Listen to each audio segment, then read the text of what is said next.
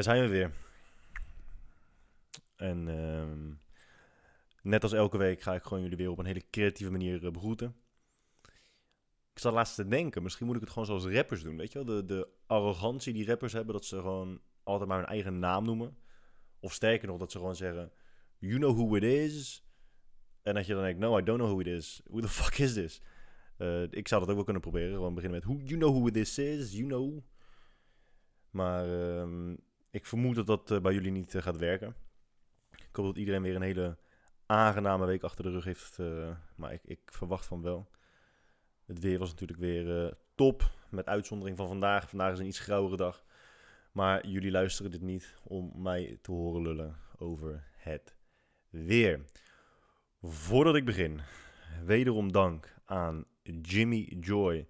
Ik heb er net nog eentje op, een Plenty Shake, smaak chocolade. Omdat sommige mensen waarschijnlijk denken dat ik het niet eens drink en dat ik het alleen maar promoot om de een of andere reden. Maar ik drink het echt. Uh, ik ben wel bang dat als ik dit laatste beetje een uur lang laat staan, dat ik dan zo, zo meteen chocolade vla heb. Maar uh, goed, het is gewoon hè, product placement, heel subtiel. Zo, hier aan de zijkant, wat je bijna niet ziet. Maar gelukkig luisteren de meeste mensen alleen maar en kijken ze niet. Kan ik me goed voorstellen. Die kop van mij een uur lang. Ook dank aan Under Armour. Dankzij hen zie ik er altijd zo op en top uit. Gewoon echt van top tot teen gesonjeerd. Um, oh ja, er is een uh, kortingscode voor Jimmy Joy. En die kortingscode is Guy Droog. You know who it is. Uh, Guy Droog, G-U-Y-D-R-O-O-G. En ja, dames en heren, dat is mijn echte naam. Mm, ik wil ook wederom een aantal van jullie bedanken voor de mails die ik krijg. Ik, ik meen het serieus. Ik krijg echt hele toffe mails aan de hand van deze, naar aanleiding van deze podcast. Heel persoonlijk, heel oprecht. Uh, je merkt ook dat de meeste luisteraars uh, kritisch zijn. Jullie zijn geen constante ja-knikkers, weet je wel, van die continue mondheigers die maar een beetje voor zich uitstaren en maar constant ja knikken als een uh, cultleider weer eens iets wat zegt, weer eens iets zegt. Uh, jullie blijven gewoon lekker kritisch, daar hou ik van. En daarmee zeg ik trouwens niet dat alle mails die ik krijg heel kritisch zijn hoor, maar een aantal van jullie zeggen van hé hey, luister guy, je bent hier en daar niet zo uh, genuanceerd. En dat klopt, dat, dat moet ik natuurlijk ook een beetje bewust zijn hè, laten we, laten we eerlijk zijn. Stel dat ik al mijn punten onwijs gaan nuanceren, dan zijn we dus elke keer gewoon zes uur verder. Ik hoop trouwens dat jullie me goed verstaan, net zo goed als anders. Want om de een of andere reden krijg ik het volume niet, uh, niet heel veel hoger. Misschien dat het nu beter gaat. Ja, volgens mij gaat het nu beter. Ik, ja, dit is beter. Uh, jullie denken, ik hoor echt geen verschil. Maar goed, volgens mij is er wel degelijk verschil. Uh, ja, dus blijf, blijf vooral kritisch. Blijf me gewoon ook die, die persoonlijke verhalen die jullie uh, sturen uh, doormailen. Als je zoiets hebt van ja, ik vind, ik vind het wel leuk als datgene wat ik naar je toestuur ook besproken wordt op de podcast. Laat het me dan even er specifiek, laat me dan specifiek weten. Omdat ik niet jullie persoonlijke verhalen onaangekondigd ga delen. ik vind discretie belangrijk, dus ehm, ja, weet dat ik het allemaal waardeer. Maar als het besproken wil worden, zet het, zet het er dan specifiek bij. Uh, ik kreeg laatst bijvoorbeeld ook nog een document toegestuurd van iemand die zei: Ja, yo, dude, ik vind uh, Elon Musk ook een baas. Dus hier is een document die waarschijnlijk wat tof is. Uh, dat was Thomas de Vries. Thomas, thanks. Ik vind het ook oprecht tof als je zulke dingen gewoon opstuurt. Daar leer ik ook van. hij had er alleen niet bij gezegd dat het fucking 80 pagina's zijn. En dat ik dus niet even 1, 2, 3 dat kan printen. En ik ga ook niet als een idiot achter mijn laptop een, boek, een boek lezen. Ja, het kan ook op mijn iPhone, maar in dat opzicht ben ik nog heel traditioneel. Altijd gewoon 20 seconden missionarispositie en gewoon normale, normale boeken lezen, geen uh, digitale boeken. Wie uh, bijvoorbeeld wel ja-knikkers, weet je, dat zie je ook bij je. Ja, ik, ik heb hem al een paar keer genoemd, Gary Vaynerchuk. En echt, ik blijf erbij. Natuurlijk, hij, het is, is fantastisch wat hij doet. En ik ben in geen enkel. Ik kan mezelf in geen enkel opzicht meten aan, uh, aan hem. Maar soms zie je dingen voorbij komen dat ik denk, jongens, hoe kan je hier nou zo, zo blij en... Hoe, hoe, kan, hoe kan je hier nou overeenst... In mee overeenstemmen. Ik ben trouwens echt heel erg moe. Hè? Dus als ik een beetje, als ik nog meer verward klink dan normaal, mijn excuus. Ik heb uh, vannacht acht seconden geslapen. Mijn broertje was eerstjarig en daarna kwam ik thuis. Toen had mijn hondje diarree. Uh, ja, ik kon het niet laten om weer iets te zeggen over, uh, over uitwerpselen. En toen moest ik om half zes, ja, 0530, half zes moest ik opstaan. Omdat Doan met zijn behaarde reet in Turkije zit. En ik zijn klasje moest overnemen. Was trouwens wel leuk uiteindelijk. Is de, Fitter, Fitter Business Club, F-I-T-R. Is een combinatie van personal training of small group training. En dan een netwerkontbijt. Hartstikke leuk, zitten echt hele leuke gasten bij. Dus als iemand interesse heeft in zoiets, check dan even fitter.nl volgens mij. Zou ik heel even zekerheid nalopen. Fitter.nl, zou dat werken? Nee, dat is het dus niet. Fitter voor iedereen. Nee, dat is het. Godverdomme niet. Jezus. Oh, doe ik weer fitter.nl. Man, man, man. De website is... De website is... Zakat al Fitter. Nee, dat zoek ik ook niet. Nou, jongens. Um, business Club. Fitter Business Club. Juist. Bam. Fitter.nu. F-I-T-R.nu. Uh, echt hartstikke leuk. Dus als je een keertje personal training wilt van uh, mij eens in het jaar. Of van uh, Doan Teken. De enige echte Doan Teken. Hè? vergeet het niet. En wil je gewoon lekker hier en daar een beetje netwerken, netwerken borrelen. Met een, een groep serieuze ondernemers en sporters. Dan is Fitter zeker iets voor jou.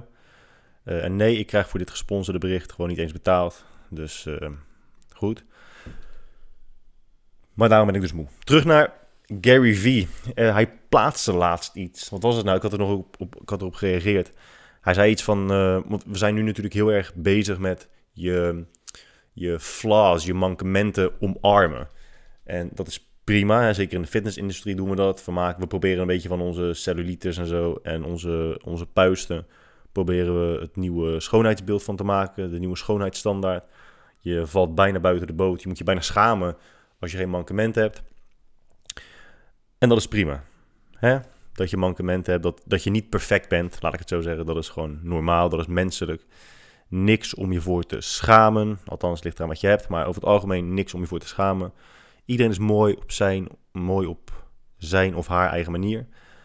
Maar wat doet Gary Vee? Gary Vee zegt gewoon, nou, ik omarm het niet alleen, ik hou ervan. En dan noemt hij een aantal voorbeelden. En één daarvan is, ik hou ervan dat ik slecht kan spellen. I love it. Ik hou ervan. Ik hou ervan dat ik slecht kan spellen. En iedereen, yo, natuurlijk, weet je, iedereen, oh, yes, zandjes omhoog, yay, Gary Vee, dat zegt hij weer, wat een moderne Gandhi. Kijk, het is prima als je ergens van houdt, hè. Ik, ik hou van mijn vriendin, ik hou van mijn hond, ik hou van heel veel dingen. Althans, niet heel veel dingen, maar de dingen waar ik van hou, kan ik wel uitleggen waarom ik daarvan hou. Je kunt niet zeggen, yes, I love it. En dan zeggen, en, en als iemand dan vraagt, ja, oké, maar waarom hou je daar dan van? Ja, I, just love it. Daar, hou ik gewoon van. I love my flaws. Mm, oké, maar je hebt, het niet, je hebt het niet over een fucking moedervlek in je gezicht. Je zegt niet van, ja, ik hou van een moedervlek in mijn gezicht. Ik weet dat het een soort van flaw is, volgens waarschijnlijk alleen maar jezelf, maar goed. Of uh, ik hou van het spleetje tussen mijn voortanden. Ik weet dat het niet voldoet aan het eh, perfecte schoonheidsplaatje. Maar het feit dat ik een, een spleetje tussen mijn tanden heb, daar hou ik van. Maar, maar waarom zou je zeggen, ik hou ervan dat ik niet kan spellen? Dat is toch fucking weird? Ik hou ervan dat ik niet kan spellen. Oké, uh, maar gezien het feit dat je continu online aan het posten bent, is het dan niet misschien verstandig dat je gewoon leert spellen? iets beter dan een 12-jarige dat doet. Want soms staan er spelfouten in dat je denkt, dude, echt. En natuurlijk, hè, ik hoor je nu al denken, ja maar guy, het gaat niet om de spelling, het gaat om de boodschap. En dat klopt, dat klopt. En je kunt ook wel zeggen, ja, maar het boeit hem niet wat anderen denken. Maar dat is gelul, want het boeit hem heel veel wat anderen denken.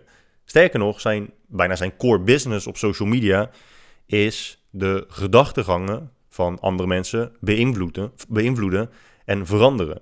En als je iemands gedachtegang wilt veranderen, iemands perceptie wilt veranderen, zeker nog iemands normen en waarden misschien zelfs wil veranderen, dat kan alleen maar als het, als het je interesseert wat anderen in de eerste instantie al denken. Als, ik kan toch niet zeggen, stel je voor dat iemand zegt, ja, uh, gluten zijn slecht voor je. En dat ik zeg, nee, gluten zijn niet slecht voor je. En dat iemand dan zegt van, ja, waar maak je druk om, Guy? Waarom zeg je dat? Ik zeg, ja, ja maak, het maakt me ook niet uit, want het boeit me niet wat anderen denken. Jawel, het boeit me wel wat anderen denken. Daarom wil ik zijn mening veranderen. En Gary Vee kan niet zeggen, ja, nee, weet je, het maakt me uit wat mensen denken. Ze moeten me maar gewoon accepteren wie ik ben. Pak hem. Ja, dan moet je niet constant bezig zijn met andermans gedachtegang en mening proberen te beïnvloeden. En als je dat dan toch wel doet, probeer dan in ieder geval iets beter te leren spellen. Ik vind dat we best wel onze mankementen, tussen aanhalingstekens, de mensen die niet meekijken, mankementen, gewoon bij gebrek aan een beter woord. Um, ik vind het prima dat we dat omarmen, hè, dat, is, dat is goed. Maar omarmen is echt is heel veel anders dan ik hou ervan. Echt zo raar. Ik hou even. En nu kun je natuurlijk stellen dat ik gewoon niet begrijp hoe het is om van je mankementen te houden. Maar als je bepaalt. Het is gewoon fucking raar. Ik snap het gewoon niet. Als het invloed heeft op wat je doet. Stel je voor dat ik echt. Stel je voor dat ik onwijs, onwijs zou stinken. En ik geef elke dag personal training met mensen. En dat ik weet dat een van mijn mankementen is dat ik fucking erg stink. Dan ga ik er ook niet hier voor konteren. Ja, ik hou ervan dat ik stink. Het heeft invloed op de business die ik doe. En dat is bij hem ook zo. Spellen. Dude, als jij schrijft op het internet dag in dag uit. Ja, zorgen we dan gewoon voor dat je in ieder geval uh, dat een beetje doorontwikkelt. Ik vroeg aan hem van, hou je ervan? Omdat je dat iets geeft waar je aan kunt werken. Want het is duidelijk dat hij verslaafd is aan, aan werken en bezig zijn. Um, hou je er daarom van? dat perspectief zou ik nog wel kunnen begrijpen. Maar je kan niet gewoon zeggen, ja, ik hou ervan omdat ik ervan hou. Dat is, dat is gewoon zo vaag. En de enige mensen die je daarmee, over, die je daarmee uh, strikt, die je daarmee overtuigt, dat zijn juist de mensen die hij volgens mij helemaal niet aan wil spreken. Net als nu, ik ben bezig met een, uh, een nieuwe auto. Sterker nog, die is uh, rond. Dus die komt binnenkort. Hartstikke leuk. Nu, nu heb ik het echt gemaakt. Nu ik een nieuwe auto heb, heb ik het echt gemaakt. Dus uh, verwacht vooral heel veel foto's van mijn stuur binnenkort. Met een, uh, een beker Starbucks uh, in mijn hand.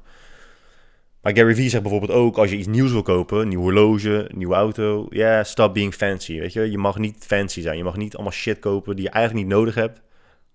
Maar wat dan? Wat is het, wat is het alternatief? Moet je altijd maar al je geld terugstoppen in je business? Er, er zijn zo weinig mensen die een kritische blik hebben als het gaat om, om Gary Vee. Hij geeft ook zelf toe dat hij echt het enige wat hij doet is werken. Hij ziet zijn kinderen nauwelijks, maar het is een bewuste keuze. Uh, omdat hij weet dat zij dan uiteindelijk over 10 of 20 of 25 jaar dat ze dan uh, iets hebben wat ze kunnen overnemen van hem. Hij heeft een goede business. Hij kan ze op dat moment, over 10, 15 jaar, geven wat ze willen. Maar dan doe je alvast dan doe je de aanname dat je weet wat de ander wil. Over 15 jaar zeggen die kinderen waarschijnlijk: Ja, ik heb een vader gehad, want die gast was alleen maar aan het werken. Maar vervolgens wel lopen verkondigen van nee, je mag niet fancy doen. Ja, maar goed, hè. What the fuck weet ik. Ik was net in de ethos. En ik was blij om te zien dat teksten op, op uh, zeep en shampooflessen en zo... beetje bij beetje bij beetje bij beetje wat positiever worden gemaakt. En dan denk je, dude, waar de fuck heb je het over? Maar dat is echt zo. Dat is iets wat me echt is opgevallen over de jaren heen zag ik gewoon vaak dat uh, als jij zeep koopt of shampoo, dat er dan op de, op de flessen staat dat wat er mis met je is. Snap je wat ik bedoel? Dus er stond niet van koop deze shampoo omdat je een frisse, fruitige bos krullen wilt hebben.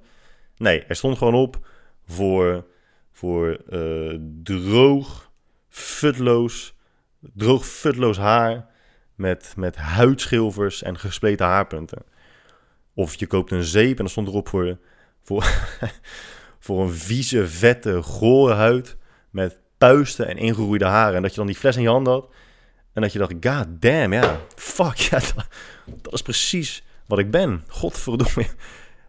Ja, gewoon een hele, hele openbaring op het moment dat je, dat je zeep en shampoo ging kopen. Maar dat is langzaam een beetje aan het veranderen. Misschien dat dat te maken heeft met de hele always positive uh, cultuur die we, die we momenteel dus hanteren. Best interessant. En ja, ik weet het, jongens. Het is niet gegeneraliseerd. Dat weet ik. Hè? Dus even voor de mensen die vinden dat ik niet altijd even genuanceerd ben. Laat ik dit even nuanceren. Ik ben mij ervan bewust dat er nog steeds merken zijn die het wel op die manier doen. En ook ben ik mij ervan bewust dat er heel veel merken zijn die het nooit op die manier hebben gedaan. Maar als ik altijd dit soort shit moet gaan nuanceren, dan word je echt helemaal gestoord. Dan krijg je el- elke, elke ehm, aflevering een eh, epileptische aanval. En nee, ik maak geen grappen over epileptische aanvallen. Er is niks grappigs aan. Volgens mij is het zo dat eh, Robin Williams, heeft natuurlijk een tijd geleden zelfmoord gepleegd, wat eh, best wel kut is. Tenminste, ja, nou, nou, laat ik het, dan- het, het is kut. Ik vind het niet per se kut. Ik vind ook dat het raar dat als, als iemand doodgaat, weet je, dan gaat Prince dood en je hebt misschien één keer een Prince nummer geluisterd, dat je dan op Instagram zet, rip, rest in peace, Prince. Ik ken één nummer van je, maar verder eh, ja, vind ik het heel erg dat je dood bent. En natuurlijk, sommige mensen zijn wel fan en die vinden het wel echt erg. Ondanks dat hij bijna geen nieuwe muziek meer maakte. Maar. ehm, fuck, wat was mijn punt nou? Oh ja, dus Ro- Robin Williams, die, die heeft eh, zelfmoord gepleegd. En volgens mij, en ik weet niet of het zo is, misschien kan iemand me corrigeren. Volgens mij is het dus zo, omdat hij ook, hij kon er niet meer tegen dat de mensheid zo serieus is geworden. Eh, dat, dat, dat je geen grappen meer kunt maken zonder dat mensen daar zo fucking serieus op moeten reageren. Weet je wat het is met mensen? Ehm, en nu lijkt het alsof ik een of andere, alsof ik, een, alsof ik mezelf een halfgod vind die neerpraat over het, eh, op het menselijke, het menselijke soort. Maar nee, ik, val er ook echt eh, zeker weten onder. Mensen vinden dingen grappig totdat ze iets niet grappig vinden. En op het moment dat ze iets niet grappig vinden, dan moeten ze het gelijk fucking beledigend vinden. Je kan niet gewoon doen van, ja, oké, ja, over het algemeen kun je wel grappig zijn, soms niet. Ehm, specifiek deze grap vind ik eigenlijk helemaal niet zo leuk. Maar goed, hè, misschien de volgende keer wel weer. Nee, het is gelijk van, oh, vind je, vind je mensen met epilepsie, en met epilepsie, vind je dat grappig? Vind, denk je dat dat leuk is? Mijn tante heeft epilepsie weet je hoe erg dat wel niet is?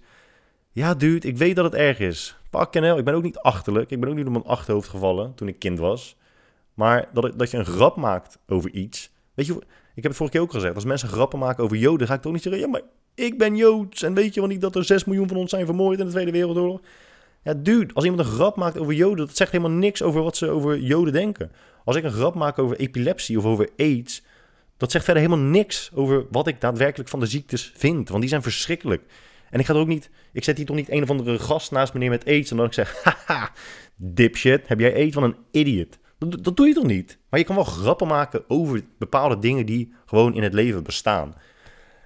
Maar schijnbaar kan dat dus steeds minder. En volgens mij is dat een van de redenen dat eh, Robin Williams zelfmoord heeft gepleegd. Volgens mij, ik kan er echt helemaal naast zitten, maar ik, ik meen me te herinneren dat dat uiteindelijk dus aan het licht is gekomen. Eh, ik weet niet 100% zeker dat Dave Chappelle dat eh, zelf heeft gezegd. Dat hij een tijd, hij is natuurlijk heel lang gestopt met stand-up comedy. Stand-up comedy is toch gewoon cabaret. Ik wil ook niet als een, als een gast overkomen die elke keer Engels verwerkt in zijn, in zijn spraak. Omdat, omdat je dan denkt dat je tof bent. Maar van sommige woorden ken ik gewoon echt oprecht het Nederlandse woord niet. Maar voor mij cabaret. Maar die is daar een tijdje mee gestopt. Omdat hij ook echt zei van ja, het is gewoon niet meer tof als ik een grap maak en dat mensen gewoon boos worden. Dat je een grap maakt over Aziaten en dat ze gewoon opstaan en zeggen ik kom hier nooit meer, vuile klootzak. Dat ze gewoon al 30 jaar naar je stand-ups luisteren en dat je, dat je dan één grap maakt die hen niet trekt. En dat ze dan gewoon boos worden. Ik was ook bij eh, de stand bij de show van eh, Ricky Gervais. Echt fucking geweldig ook. Maar toen zijn show klaar was, kwam hij dus ook eh, terug podium op. En toen hield hij nog gewoon een heel betoog over hoe hij ook als comediant de wereld ziet veranderen op die manier. En eh, ja, ik moet zeggen dat ik het ook wel heel, heel, heel jammer vind hoor. Ik zei het laatst ook al, dat als ik iets plaats over... Ik, ik, plaatste, laatst, ik plaatste laatst op Instagram... Moet je dat eens een keertje, een paar keer achter elkaar zeggen. Ik plaatste laatst op Instagram dat eh, die, die grap over Doan en ik, hè, de Jood en de Turk. En dan zie je ook dat mensen van een bepaald geloof je ontvolgen. Ehm, maar dat niet alleen. Elke foto, elke foto die ik plaats met een grap eronder, zijn er dus mensen die het niet leuk vinden. En je ziet ook gewoon dat, al, dat altijd mensen zijn die je op basis daarvan ontvolgen. Eh, nogmaals, dat maakt niet uit, maar het is wel persoonlijk. Hè? Je zegt gewoon, fuck you, ik heb geen interesse meer in wat jij doet, dus ik ontvolg jou. Eh, het is een beetje het equivalent van gewoon tijdens een, een stand-up comedy show gewoon opstaan en, en weggaan. En omdat, omdat het nu allemaal gedigitaliseerd is, gedigitaliseerd is onze communicatie, ehm, zijn dat soort eh, ja, consequenties natuurlijk gewoon heel makkelijk. Het is heel eenvoudig om één keer te tappen op een, eh, op een ontvolgknop. Ehm, ik zag ook een... nu we het toch over comedianten hebben. Ik zat ook een korte documentaire te kijken... of een kort stuk over Jim Carrey. En Jim Carrey... Ja, iedereen kent Jim Carrey. Ik bedoel, ik weet dat ik oud ben... en ik weet dat er best wel een generatie kloofje zal zijn... tussen mij en een aantal andere luisteraars. Maar iedereen kent Jim Carrey. Als je geen Dumb and Dumber hebt gezien... als je geen Liar Liar hebt gezien... als je geen The Mask hebt gezien... Als je, als je geen Ace Ventura hebt gezien, heb je dan wel echt een jeugd gehad. Wat ik me nu opeens bedenk, weet je wat echt een gat in de markt is? Kinderliedjes, nieuwe kinderliedjes. Fucking hell, ik ben echt een genie af en toe. Waarom is het zo dat baby, nou eigenlijk babyliedjes echt al v- 900 miljoen jaar hetzelfde zijn? Je hebt slaap, kindje, slaap. Slaap, kindje, slaap. Wat heb je nou nog meer? Laten we het heel bij slaapkindje slaap houden. Waarom is er nooit iemand geweest die dacht... Ja, ik ga slaapkindje slaap herschrijven. Ik ga een nieuw babyliedje op de markt brengen... en dat populair maken. Dat is best gek. Kijk, ja, ik snap dat je denkt van... Oké, maar baby's hebben geen muzieksmaak... en het interesseert hen niet wat zij horen. Maar ouders zingen babyliedjes. Dus het is ook best wel chill als jij een babyliedje kunt zingen... die gewoon lekker backt. Dat je denkt, wauw, klinkt eigenlijk best wel lekker. Baby's verstaan er toch niks van. Die horen alleen maar de toonhoogtes en een beetje het melodietje. Ja, misschien ga ik een nieuw babyliedje ontwikkelen. Ik denk dat ik daar eh, genoeg tijd voor heb. Maar het ging dus over, over of je ooit wel een jeugd hebt gehad. Als je de, de films van Jim Carrey wel of niet hebt gezien. Ja, mocht je ze nog niet gezien hebben, raad ik ze zeker aan. Het is best wel flauw af en toe. Maar Jim Carrey is echt super multigetalenteerd. Net als eh, mensen als eh, Jamie Foxx, weet je wel. Die gasten kunnen alles. Die kunnen dansen, die kunnen acteren, die kunnen zingen, die kunnen muziekinstrumenten bespelen. Maar wat Jim Carrey ook kan, is kunst maken. Dat is echt, hij maakt fucking toffe kunst. Echt, hij eh, schildert heel veel. En je moet maar keer, ik zou het nu op video kunnen laten zien, maar ik heb oprecht gewoon geen zin om dat te doen. Dus als je een keertje de tijd hebt, ga dan gewoon naar www.google.com of .nl als je zo'n soort eh, persoon bent. En dan ga je naar afbeeldingen en dan doe je Jim Carrey Art. Ja, hij maakt echt gruwelijke dingen. Eh, maar dan zit je laatst zit je naar zijn documentaire te kijken. Hij heeft ook die andere documentaire dat hij, eh, dat hij zichzelf zo verliest in die rol. Ik ben heel even de naam kwijt. En nu zit jij te luisteren. Je weet wat ik bedoel. En dan ben je het aan het zeggen. Maar ik kan je niet horen. Dus eh, ik zoek het heel even op. Oh ja, Jim en Andy op Netflix. Jim en Andy. Ik moet trouwens ook gewoon beginnen met dingen linken hieronder, weet je wel? Want ik noem altijd dingen en ik noem altijd dingen op. En dan is het, is het vervolgens aan jullie om dezelfde avond te denken, ja, fuck, welke minuut zei dat ook alweer? Dus als ik het niet vergeet, ga ik allemaal verschillende dingen proberen te linken onderaan eh, de, de video's en de audioclips. Maar goed, Jim en Andy op eh, Netflix. Dat is echt een eh, interessante documentaire. Maar wat je bij Jim Carrey ziet, is je ziet wel dat hij heel geleidelijk... is puur een inschatting van mij. Het kan ook een inschattingsfout zijn. Maar je ziet wel dat hij een klein beetje meer en meer en meer en meer naar de afgrond schuift, voor mijn gevoel. Eh, hè, de depressie is bij hem behoorlijk duidelijk.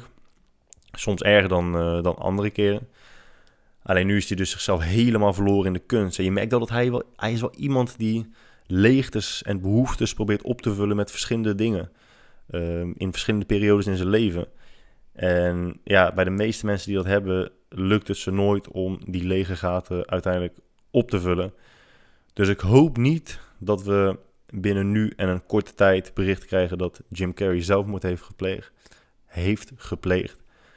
Maar hoe, eh, ja, hoe negatief dat ook klinkt, ja, ik, ik, ik heb dat vermoeden wel een klein beetje. En dat is niet, eh, ja, is niet relaxed. Maar ja, ik mag, mijn, eh, ik mag mijn gevoelens wel gewoon uitspreken op mijn eigen podcast, toch? Eh, maar check vooral zijn kunst. Echt super supermooi. En check ook zeker de documentaire. Kunst vind ik sowieso een eh, interessant onderwerp. Ik niet interessant, ik weet er ook helemaal niks van. Ik weet alleen dat mijn voorkeur uitgaat naar, eh, naar het realisme. En dat is eigenlijk waarschijnlijk als jij als kunstliever, mij, kunstliefhebber mij nu hoort, dat je dan denkt, ja, gast, lekker simpel, weet je wel. Realisme, dat vindt iedereen mooi, omdat het gewoon... Bij, bij realisme zie je... Ik, ik ga er ook even van uit dat het realisme heet, hè. Volgens mij wel. Maar bij eh, dat soort kunst is het heel makkelijk om te kunnen oordelen over de kwaliteiten van een kunstenaar. Want ja, het, het lijkt gewoon ook heel erg moeilijk.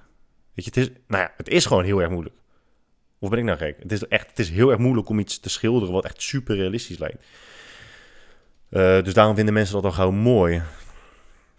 Eh, aan de andere kant heb je ook andere soorten kunst die even complex zijn, maar dan is de waarde ervan en het oordeel erover is gewoon volledig aan eh, de persoon die het beoordeelt. Maar sommige vormen van kunst vind ik gewoon heel vaag. En ik weet dat sommige vormen van kunst ook heel vaag zijn bedoeld. Maar op het moment, ik had het laatst met een klant van me over, uh, Stefan Rijsmus van Studio Nul. Um, hij is heel erg liefhebber van kunst en hij was laatst naar een eh, museum geweest. En gelukkig luistert hij niet naar mijn podcast, want het is een heel bekend museum. En het feit dat ik nu niet op de naam kan komen, maakt me ook gewoon weer een idiot. Maar hij zei dat ze dus naar het museum gingen en dat ze zich moesten verkleden als penis. Juist. Dus ze hadden gewoon een penispak. En voor mij ook zelfs vagina's. Voor mij, of ze gingen met allemaal penispakken in een hele grote vagina of zo. Ik weet het. Het had in ieder geval iets te maken met, met penissen en vagina's. Mm. En toen vroeg ik dus, ja, maar, maar, maar waarom is dat dan kunst? Ja, want de persoon die dat dan verzint, die, ja, dan moet toch wel creatief zijn, is best gek. En die penissen en vagina's. Zal ik het gewoon, zou ik gewoon alleen even penissen zeggen, anders wordt het fucking weird als ik dat 19 keer moet zeggen achter elkaar. Maar goed, die penissen zagen er echt super mooi uit, super realistisch en groot. Had je zo'n pak aan. En toen gaf hij ook voorbeelden van andere vormen van kunst. Een soort van uh, vloer die iemand had gemaakt, volledig van pindakaas. Maar op het moment dat alles kunst is, of alles kunst kan zijn, is er ook niks eigenlijk meer kunst. Of zeg ik nu iets heel oppervlakkigs? En ik, ik snap het hoor. Het ligt natuurlijk gewoon aan de persoon die er naar kijkt. En die zegt, ja, dit is kunst.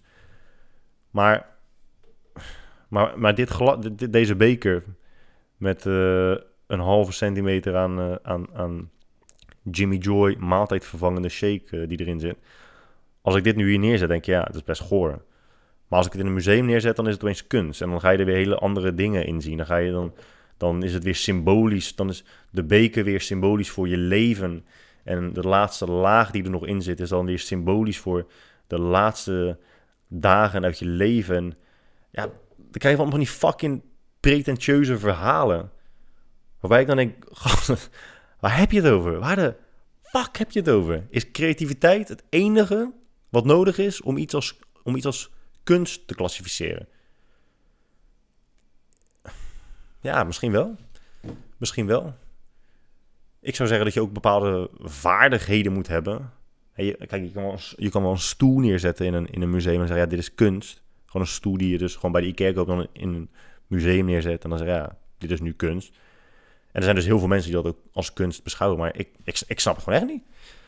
Voor mij is kunst dat je ziet dat de kunstenaar een bepaalde boodschap wilt overbrengen.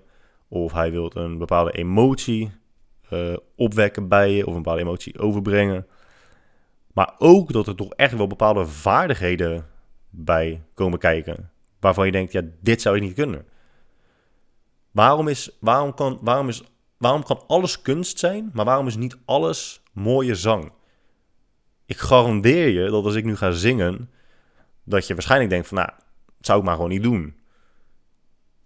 Gewoon niemand. Er is, er is niemand die denkt, holy shit, hier ga ik een album van maken. Jij gaat echt, jij komt bij de studio in en wij gaan een album maken. Maar er is wel altijd iets waarvan mensen zeggen, ja, hier, hier maken we kunst van. Terwijl zang is er ook een vorm van kunst. Maar je kunt echt wel stellen dat niet iedereen die zingt, kan zingen. Ik vind het vaag. Ik vind, echt uh, ik vind het iets vreemd. En waarschijnlijk heeft het weer te maken met mijn gebrek aan de kennis en de creatieve interpretatie van uh, de dingen die om mij heen gebeuren. Maar dat is hoe ik het zie. Ik vind de, maar de kunst van Jim Carrey vind ik echt heel vet. En uh, ja, het ziet er gewoon echt tof uit. Ik zag laatst ook hele toffe, hele, mooie street art van van Pulp Fiction hier echt in de buurt. Ik ga proberen een foto te maken. Ik ga, ik ga proberen een foto te maken. Ik ga er een keertje heen en ik ga gewoon een foto maken. Dat zag ook wel heel, heel vet uit. Waarschijnlijk niemand die het wil zien, maar ik vond het tof. Uh, omdat we het over zang hebben. Oh man. Is het, Zo. Ik slik gewoon mijn eigen keelmandel in. Is het je wel eens opgevallen dat als je, als je muziek draait in een openbare ruimte... Dus ja, niet om het een of ander. Het is niet dat, dat dat daadwerkelijk gebeurd is. Maar stel je voor dat ik, in, dat ik bij Perfect Performance Sportcenter muziek aanzet. En dat, dat er dan iemand binnenkomt. Nou oké, even anders. We zijn bij Perfect Performance Sport Clinics. Perfect-performance.nl En we zijn met drie, vier man.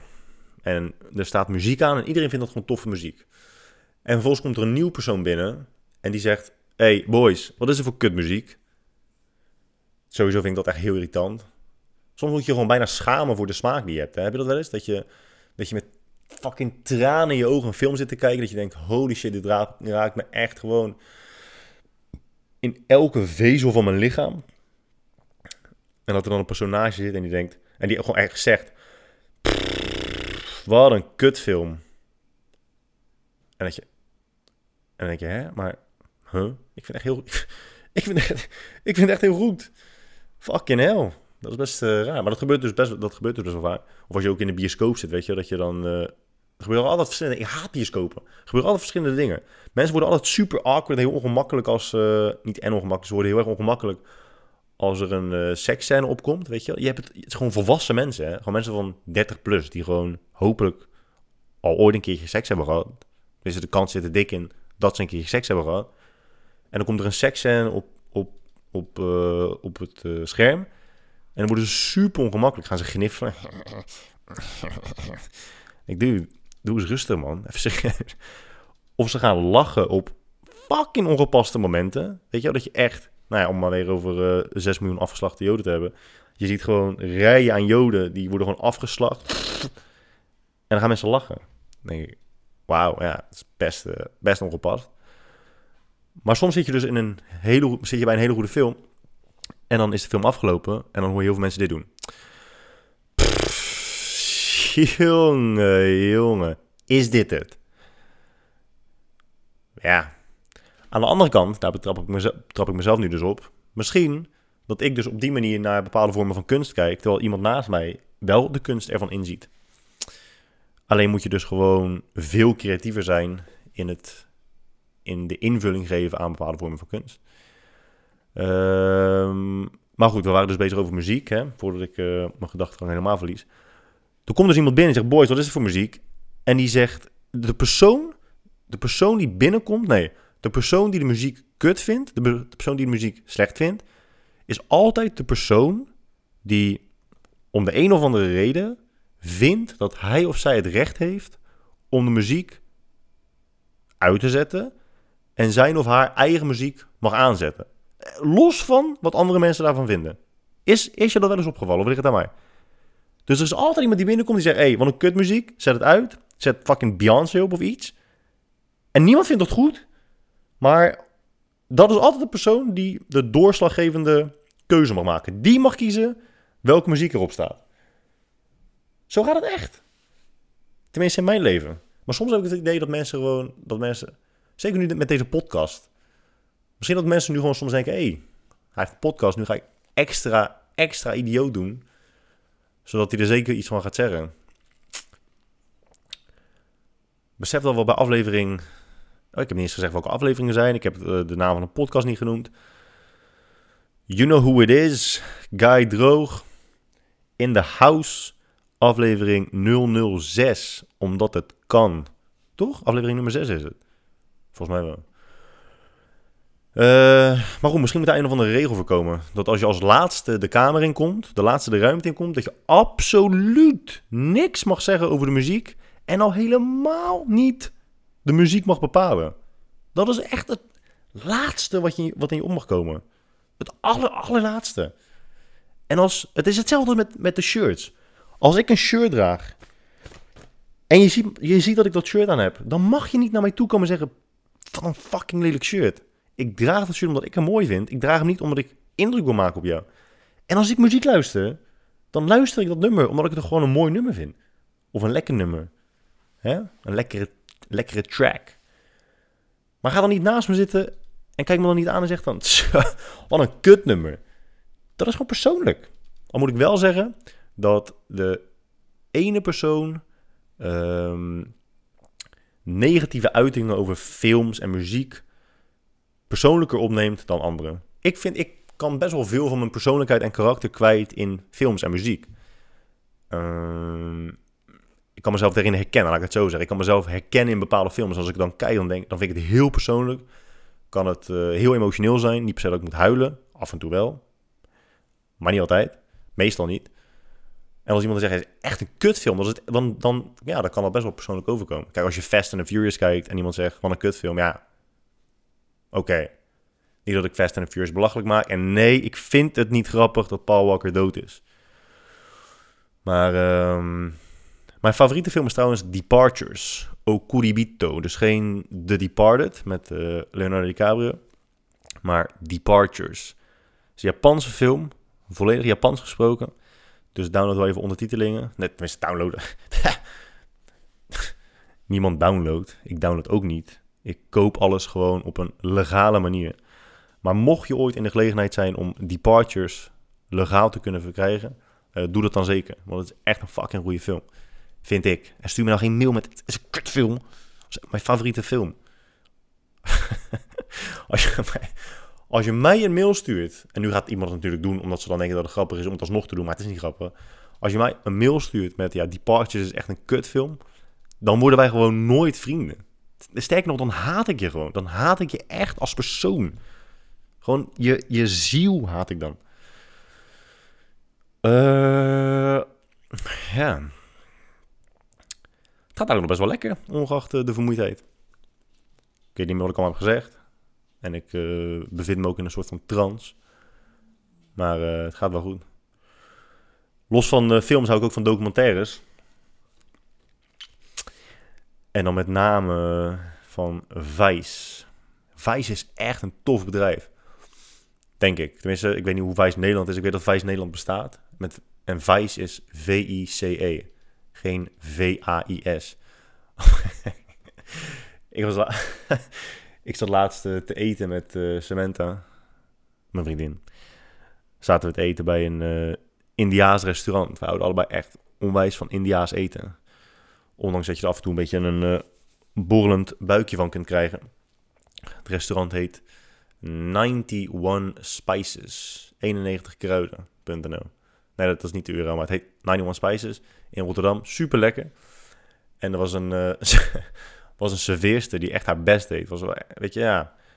Ik kan wel iedereen afkraken en afzeiken als ze dingen verkeerd doen. Maar als iemand zijn best doet, dan mag je dat ook gewoon wel benoemen.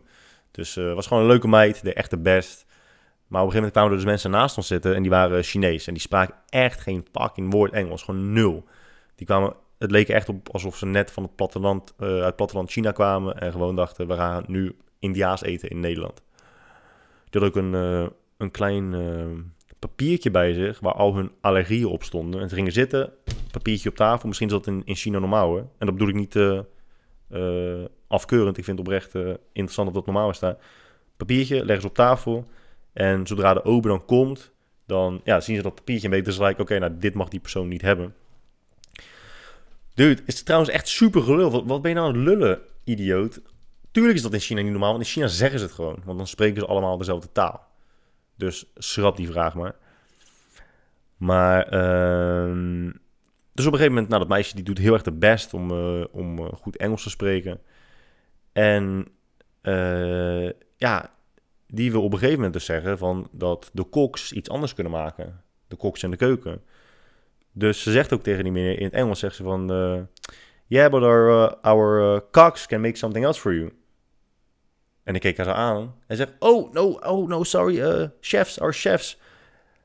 Ja, als ik, weet, dit, dit, is, dit is, weet je dit is typisch zoiets... dat als je het vertelt, dat het eigenlijk helemaal niet grappig is. Want een meisje zei gewoon cocks.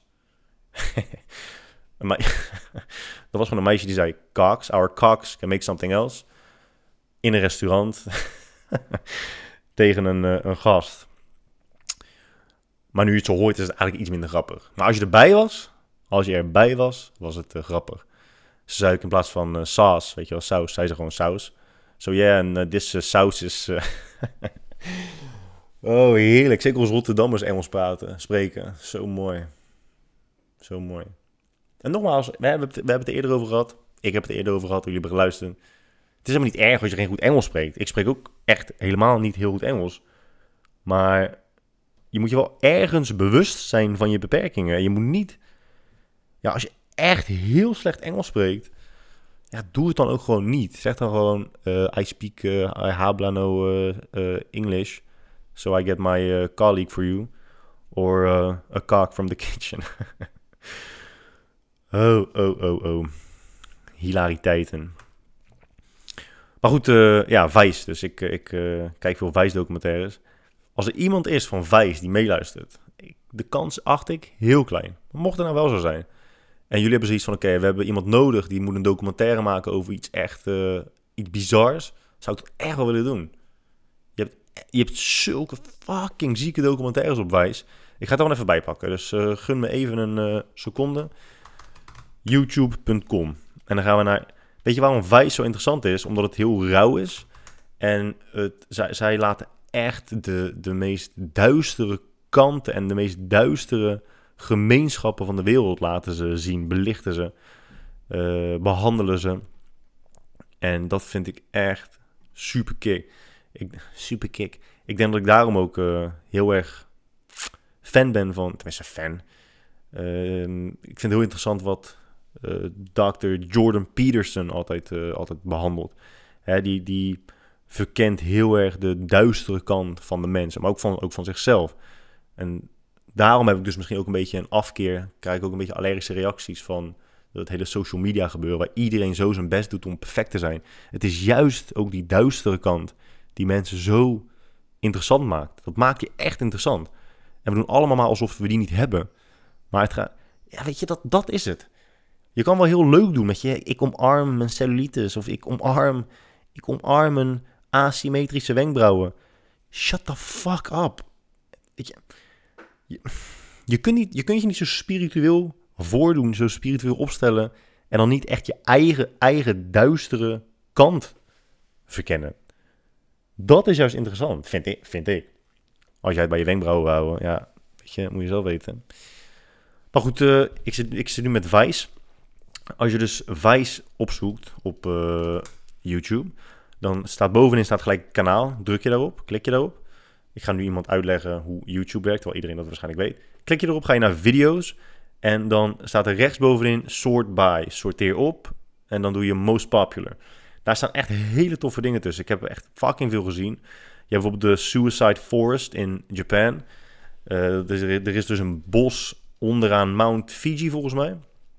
Eh berg in Japan. Waar dus heel veel mensen naartoe gaan om zelfmoord te plegen. Dat is super creepy. Heel naar gevoel krijg je, daarbij. Als je in, die, in dat bos loopt, dan zie je allemaal eh, lintjes door het bos hangen. Omdat mensen die daar dus heen gaan nemen rollen lint mee. Om de weg die ze hebben afgelegd te markeren. Voor het geval dat ze zich dus bedenken. En dat gebeurt dus al vaak. Maar volgens mij is de, het aantal zelfmoorden in Japan het hoogst van, van heel de wereld. En tijdens het opnemen van die documentaire vinden ze ook iemand. Ze vinden sowieso voor mij een lijk, als ik me niet vergis. En ze vinden ook iemand die in een, eh, in een tent aan het overnachten is. Ja, het het is heel, heel... Ja, je moet er wel een beetje tegen kunnen. Maar die is op zich nog wel eh, redelijk conservatief. Als je namelijk naar de tweede rij gaat, staat er The Cannibal Warlords of Liberia. Dat is fucking ziek. Dat is echt gruwelijk. Daar ga je al echt meer de, de duistere kant op van, eh, van de mensheid. Je hebt dus in Liberië heb je ehm kindsoldaten die ook nog eens kannibaal zijn. Dus die, die, die geloven dat als jij ehm, menselijke organen eet voordat je eh, ten strijde trekt, dat het dan goed geluk eh, oplevert. Dus wat ze doen is, eh, ze slachten gewoon iemand af, snijden hem open, halen zijn lever er bijvoorbeeld uit, eten dat met z'n allen rauw op en dan gaan ze er tegenaan. Maar daar zie je ook dus, daar wordt ook uitgelicht hoe, hoe die kinderen eh, verslaafd worden gemaakt aan heroïne, dat soort dingen. Weet je, we denken allemaal dat we het zo slecht hebben. Ik moest vanochtend om half zes op. Dat was echt bizar. Hè? Dat had ik al gezegd, maar nogmaals, vergeet niet. Half zes moest ik opstaan. En dan zit je in de auto en dan denk je, oh, hè, ik moet nog anderhalve week wachten op mijn nieuwe auto. Aan de andere kant van de wereld worden mensen gewoon opgegeten omdat ze denken dat het goed geluk brengt. Man, man, man. Eh, ook echt een aanrader. En in de op de derde rij staat er Interview with a Cannibal. Dat is ook fucking creepy. Die dude, die gast is echt... Ja, ik weet niet. Ik vind dat heel... Het mooie is dat ik... Ik vind, mensen, ik vind mensen snel raar, maar dat soort dingen vind ik weer niet raar. Dat soort dingen vind ik interessant. Ik zou een kannibaal niet snel raar noemen. Omdat het gewoon zo afwijkt van de norm. En omdat... Dat is het ook. Mensen die, dus, die zich gedragen als idioot in het verkeer. Of mensen die... ehm, mensen die dus rare shit zeggen op Instagram. Die proberen... Die proberen binnen de lijntjes te blijven. En ze blijven ook wel binnen de lijntjes. Maar binnen de lijntjes gelden er gewoon bepaalde regels. Bepaalde standaarden. Bepaalde, bepaalde gedragsregels. Hoe je het beste met elkaar om kunt gaan. Hè? Hoe, hoe, hoe het allemaal gewoon zo goed mogelijk kan blijven functioneren. En heel veel mensen falen daar gewoon heel erg hard in. En dan ga je zeggen, ja, jij bent een beetje, jij bent een beetje vaag. Je, weet je, het gaat niet altijd even goed met jou. Maar een kannibaal, die dat ook gewoon toegeeft, die valt zo ver buiten die lijntjes, dat je het... Ja, ja, dan is het heel raar je zegt, ja, je bent raar. Ja, no shit. Dat snapt hij zelf ook. En eh, dat vind ik heel interessant, gewoon hoe hij over zichzelf praat. Het is niet iemand die uiteraard nog steeds mensen eet, want dat mag niet. Ehm, ja, hè, Captain Obvious, je mag geen mensen eten. Maar eh, hij vertelt dus over zijn ervaring met het gevoel hebben van mensen willen eten. Hij heeft een keer iemand... Nou ja, kijk maar gewoon, kijk maar gewoon die documentaire. Maar het is wel creepy. Eh, dan de laatste, want dat is weer één rij eronder, is Donkey Sex. The most bizarre tradition. Er is dus een gebied in Colombia, volgens mij het noorden van Colombia, waar dus ehm, ja, mensen in een dorp wonen, waar het dus heel normaal is om seks te hebben met ezels. Maar ja, jij lacht, maar ik lach niet. Want bij Be The Brand hebben we het er ook over hoe ontzettend belangrijk cultuur is. Het is. Ik open die video ook met de vraag: zou jij wel eens honden eten? En jij, iemand die in Nederland woont, die zou waarschijnlijk nee zeggen. Nee, ja, nee, ik zou geen honden eten. Maar zou ik in een ander land geboren zijn, iets waar ik helemaal geen controle over heb, en ik zou jou op dat moment dezelfde vraag stellen, en jij bent ook toevallig in hetzelfde land geboren, en ik zou je dezelfde vraag stellen, zou het antwoord wel eens ja kunnen zijn, omdat het gewoon puur cultureel is. En hier is het dus gewoon heel normaal om seks te hebben met ezels. Ik vind het niet normaal en ik zou het ook nooit doen. Maar ik kan me wel voorstellen dat als jij daar dus opgroeit en vanaf jongs af aan wordt jou verteld, nou ja, je kan beter eerst oefenen op een ezel dan op een vrouw, dat jij denkt, oké, ik zou geen oké zeggen. Nogmaals, voordat ik weer pak in de rare mails krijg. Maar ja, ik kan me wel voorstellen dat het gebeurt. En ik vind dat- dat is echt, ja, ik vind dat gewoon echt super, super, super interessant. Eh, Oké, ga ik er nog eentje doen? Oké jongens, nog eentje, want zo kan ik makkelijk het uur vullen. Je hebt er dus ook eentje over eh, Cult Leader Thinks He's Jesus. Cult, C-U-L-T. Cults vind ik ook echt heel interessant. Ik vind het sowieso interessant. Ik heb er ook iets over geschreven een keertje op uh, Fit zonder Fabels en op mijn eigen website. En we hebben het er ook over op, eh, bij Be The Brand. Waarom mensen dingen geloven die niet waar zijn. En met cults is dat ook zoiets fucking bizars.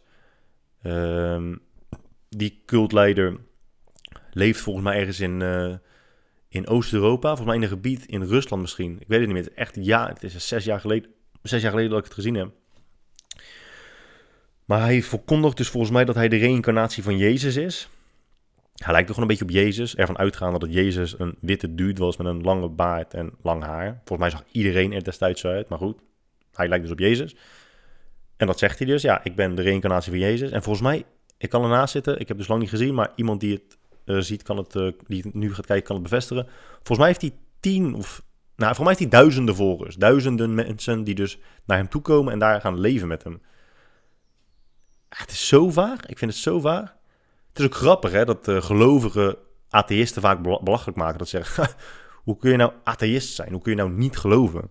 Maar eigenlijk is iedereen in de wereld meer atheïst dan niet-atheïst. Omdat er zijn echt, er zijn honderdduizenden goden. Hè, zeker eh, eh, geloven waarbij je gewoon meerdere goden... ehm, Sorry, ja, ik had weer dat je, die, eh, dat je mensen hoort. Eh, dat je meerdere. bidt voor meerdere goden. Godverdomme, ja, sorry jongens. Er is, een kind, er is een kind aan het schreeuwen buiten. En jullie horen dat volgens mij natuurlijk weer niet, maar goed, ik wel. Ehm, volgens mij ook het hindoeïsme. Volgens mij heeft het hindoeïsme duizenden goden. Je hebt wel de, de, de, de primaire goden, maar alle secundaire goden zijn echt, volgens mij, voor mij zijn het echt duizenden. Maar als jij, als jij moslim bent, of als jij joods bent, of als jij christen bent, dan zeg je gewoon, ik heb één god, misschien twee, uh, tenminste de zoon van god. Dus je hebt eigenlijk je hebt één god. En verder geloof ik niet in al die andere goden. Dus ik geloof in één god wel, maar in honderdduizenden anderen niet. Atheïsten gaan één god verder dan jij. Ik zeg, nou, ik geloof net als jij ook niet in die honderdduizenden goden. Maar ik geloof ook niet in de God waar jij in gelooft. Uh, en met Kults is dat gewoon hetzelfde. Ja, die geloven waarschijnlijk ook niet in heel veel andere goden. Maar die geloven dus wel in één persoon die ze voorin hebben. Er is ook een, eh, een documentaire op Vijs. Een nieuwe volgens mij. Die gaat over een cult in Indonesië. En die cultleider, hij beweert dus dat hij jouw schulden kan laten verdwijnen. En hij heeft volgens mij 20.000 volgers over heel de wereld. Dus je hebt, en dan heb ik niet alleen maar over, over wederom van die mondheigers, maar uh, doktoren, advocaten, die, die over heel de wereld inbellen via Skype. Australië zal ik voorbij komen, Engeland, Amerika. Omdat ze dus geloven in wat hij zegt. Hij zegt dus dat hij afstammeling is, afstammeling, afstammeling is van uh, de royale familie daar. En dat hij dus recht heeft op al het geld wat zij ooit hebben verborgen of verstopt, ik weet het niet precies. En dat hij dat geld dus gaat gebruiken om alle schulden van iedereen weg te schelden, kwijt te schelden. That's it. Hij kan het niet bewijzen. Als je ernaar vraagt, dan heeft hij ook geen antwoord voor je. Uh, althans, hij heeft een heel verhaal, dus een hele video is erover, over uh, dat hij... Uh, met, heeft te maken met allemaal ehm, complottheorieën. Maar hij kan er niets bewijzen. Ze worden aangeklaagd en er zijn nog steeds tienduizenden mensen die het geloven. Ja, het is echt te sneu woorden. Echt, echt te sneu voor woorden. Oh, oh, Maar goed, het zijn wel allemaal onderwerpen die ik echt, echt onwijs interessant vind. Dus mocht jij een tip hebben voor mij, zoals ik jou nu ook van zoveel tips heb voorzien, laat het me dan vooral weten. Oh, ik zie nu ook dingen voorbij komen. Inside North Korea. Dat is ook echt bizar. Die moet je ook echt kijken. Inside North Korea. Het is ze gelukt om. Uh, het is uh, wijs gelukt om dus uh, Noord-Korea in te komen. En uh, ja, laten zien hoe het, uh, laten zien hoe het, hoe het er daaraan toe gaat. Het is echt bizar. Echt gewoon. Echt niet normaal. En ik vind ook eigenlijk dat heel veel mensen zich best wel meer mogen verdiepen in drugsverslaving. Je hebt natuurlijk heel veel mensen die zeggen: ja, best is je eigen keus. Maar probeer even een aantal documentaires te kijken over drugsverslaving, drugsverslaafden en hoe, ja, hoe bizar dat allemaal is en hoe erg het eigenlijk allemaal is. En dat het echt wel een heel stuk verder gaat dan ja, het is je eigen keuze.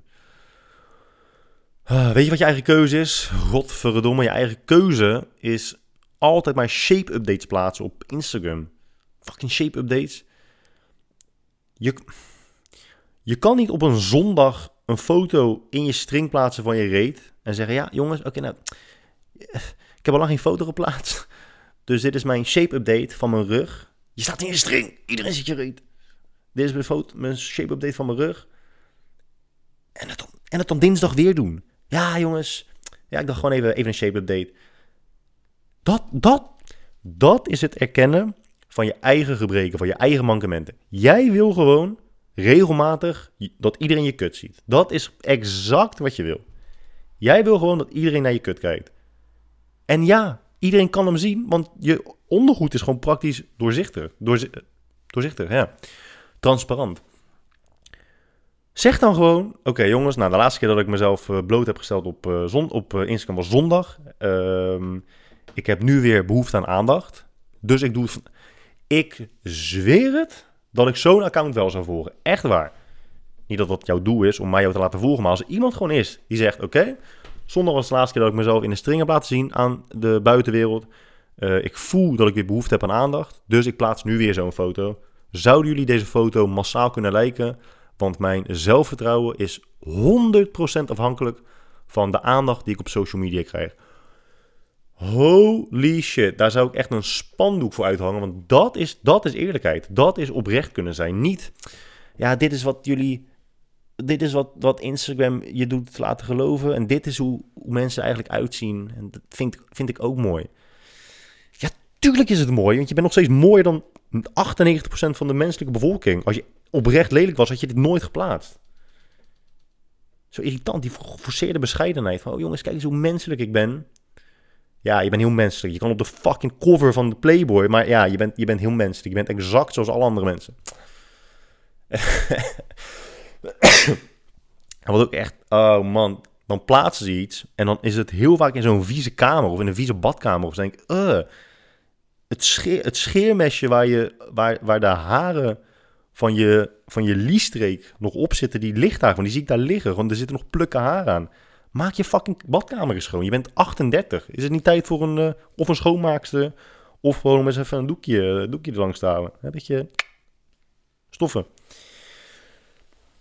Of als ze dan plaatsen als tekst eronder. Ah, I love to keep it real. I like to keep it real. I like, I like to keep it real. Je moet jezelf accepteren voor wie je bent. Maar dan heb je wel opgespoten lippen, botox, opgevulde tieten, je lipjes laten doen. is allemaal niet erg. hey, als ik over één ding nooit zou klagen, is het over dat soort dingen. Je mag jezelf van top tot teen laten verbouwen. Maar dan moet je niet daarna op internet verkondigen dat je jezelf accepteert voor wie je bent. En dat iedereen moet, van zichzelf moet houden voor wie ze zijn. Want je hebt letterlijk alles van top tot teen verbouwd aan jezelf. Er is niks wat jij van top tot teen accepteert aan jezelf. Ah, dat, dat lucht echt wel lekker op. Soms begin je met zo'n podcast en denk je, ja, ik heb niks om over te lullen. Maar dan gaandeweg kom je achter alle idioterie in de wereld. En uh, komt het er allemaal weer uh, lekker, lekker uit. Bij Explained, uh, mensen, ik kwam erachter dat mensen dus daadwerkelijk luisteren naar deze podcast. En dus ook wel doen wat ik adviseer. Explained, die documentaire op op eh, Netflix, op verschillende afleveringen. Je hebt nu ook buitenaards, wezen, uh, buitenaards leven. Super interessant. Sluit ook weer heel mooi aan op waarom mensen dingen geloven die niet waar zijn. Daarmee impliceer ik niet dat buitenaards leven niet bestaat. Ik ben ook een van de... Mijn vriendin vroeg aan mij van, geloof je in buitenaards leven? Waarop ik zei van, ja, ik vind het heel gek als mensen niet geloven in buitenaards leven. Kijk, Als iemand aan mij vraagt, geloof jij in geesten? Dan is mijn antwoord nee, want er is echt geen enkele reden om te geloven dat geesten bestaan. En nee, dat jij een keer een, een, uh, een, een stoel hebt zien bewegen zonder dat er iemand bij was, is voor mij geen reden om te geloven dat geesten bestaan. Uh, ik, ik zweer het ook echt op mijn. Ik zweer, ik zweer het op mijn podcast. Dat als ik een keer s'nachts mijn ogen open doe en ik zie mijn overleden opa naast me staan, of mijn overleden oma, waar ik ontzettend veel van hield. Als ik die zou zien staan, zou ik niet denken geesten bestaan. Dan zou ik me oprecht zorgen maken over mijn mentale gezondheid en naar de dokter gaan. Uh, en ja, de kans bestaat nu dat jij nu luistert en denkt van, ik, ik geloof wel in geesten. Sterker nog, ik heb contact met geesten en ik, ik zie ook mijn overleden familieleden. En ik bedoel het echt, ja, het klinkt wel zo, maar ik zou dan echt gewoon naar de dokter gaan. Want ja, los van je eigen ervaring, is er gewoon geen reden om te geloven dat geesten bestaan. Er zijn talloze organisaties die miljoenen uitkeren voor bewijs voor het paranormale. Miljoenen. En er is nog nooit iemand die heeft aan, die het heeft aan kunnen tonen. Mensen geloven vaak niet in wetenschappers, omdat ze bijvoorbeeld denken: ja, tuurlijk hè, willen wetenschappers dat tussen aanhalingstekens ontkrachten omdat ze daar dan geld mee kunnen verdienen. Maar wetenschappers die het paranormale uh, onderzoeken, uh, besef je heel goed, zij leven voor de dag dat ze het paranormale kunnen bevestigen, dat ze kunnen bewijzen. Dat ze kunnen zeggen, jongens kijk, dit is het bewijs dat geesten bestaan. Er zijn, nou ja, ik weet niet hoeveel wetenschappers er zijn die dat doen, maar er zijn er fucking veel. Er zijn documentaires over, er zijn films over, er zijn series over. Die mensen willen niks. Die. Probeer even na te denken over, het, over hetgeen wat jij het aller, allerliefst in de wereld zou willen. Zij hebben dat met geestenbewijzen, het bestaan van geestenbewijzen. Het maakt niet uit hoeveel tijd het ze kost. Het maakt niet uit hoeveel moeite het ze kost. Het maakt niet uit hoe vaak ze in hun broek moeten poepen. Zoals ik. Het maakt ze allemaal helemaal niks uit. Maar nog nooit is het ook maar één van hun gelukt om het paranormale te kunnen bewijzen. Dus daarom zeg ik, er is geen reden om te geloven dat het bestaat. Met het met buitenaards leven is het zo dat, nou ja, hè, het universum is hoogstwaarschijnlijk oneindig. En de kans van leven is 1 op de zoveel. Maar als het universum oneindig is, betekent het eigenlijk ook gewoon dat de kans op buitenaards leven oneindig groot is. Het is het, echt, het is het egocentrische karakter van de mens om te zeggen: nee, wij zijn hier als enige. Wij zijn hier, er is niemand anders. Nee, dus ja, ik geloof, ik geloof wel echt dat, uh, dat er buitenaards leven bestaat. Neil deGrasse Tyson, uh, die heeft het ook een keer mooi uitgelegd. En uh, ja, die man is een stuk, intelligent, stuk intelligenter dan ik ben. Maar die legt het ook zo uit. Hij zegt, ja, het kan gewoon zo zijn. En zo leggen ze het trouwens ook in Explained uit, ongeveer. en gebruiken zij de vergelijking met mieren. Die vond ik iets minder sterk. Neil deGrasse Tyson zegt volgens mij iets in de trant van... Um, dat wij procentueel bijna volledig overeenkomen met uh, chimpansees, zegt hij volgens mij. Maar, maar ondanks dat, ondanks dat we qua DNA procentueel bijna identiek zijn, kijken we toch nog neer op, op, uh, op chimpansees. Omdat zij toch gewoon technologisch een heel stuk minder ontwikkeld zijn dan zij. Kijk naar, kijk naar het verschil tussen hen en ons. Ondanks het kleine procentuele verschil in DNA. Maar kijk voor wat voor verschil dat heeft gezorgd. Stel je voor dat buitenaards leven er is, maar dat we qua DNA ook maar 1 of 2 procent van hun verschillen. En besef je dan hoeveel lichtjaren, echt miljarden jaren zij voor op, ons, op ons uh, voorlopen. En dat ze dus ook gewoon totaal niet de behoefte hebben om eens in gesprek te gaan met ons. Wij dachten allemaal uh, 30 jaar geleden, zo over 30 jaar zijn we zo ontwikkeld. En ja, tegenwoordig zit iedereen alleen maar uh, foto's van uh, kontjes te lijken op Instagram. Dat is waar we naartoe zijn gegaan. Maar goed, ja, vind ik ook een, een interessant onderwerp, buitenaards leven. Ik zie trouwens dat we het uur gepasseerd zijn. En eigenlijk is het helemaal nooit gezegd dat het maximaal een uur mag duren. Maar er zijn natuurlijk mensen die hebben gezegd: ja, je podcast moet wat korter. Er zijn mensen geweest die hebben gezegd: ja, je podcast moet wat langer. Dus zo blijkt maar weer: je kunt nooit altijd iedereen gelukkig houden. Maar omdat ik zelf een uur lang lullen wel uh, genoeg vind, denk ik dat ik het uh, hier weer bij ga laten. Ik wil iedereen weer ontzettend bedanken voor het luisteren. Ik wil jullie bedanken voor jullie eindeloze aandacht, jullie eindeloze positiviteit. Het is mij uh, wederom een genoegen geweest. Check dus even Jimmy Joy, kortingscode Guy Droog. Het kan zijn dat hij nu nog niet werkt, omdat hij nog uh, toegepast wordt. Hij was weer uh, vervallen. Maar als het goed is, wordt hij weer geactiveerd. Check ook even Under Armour. Under Armour is gewoon top. Als je nu nog steeds Nike draagt, dan... Nou ja, is eigenlijk gewoon prima. Dat is ook gewoon een topmerk, maar Under Armour is ook gewoon leuk. Dus check ook Under Armour.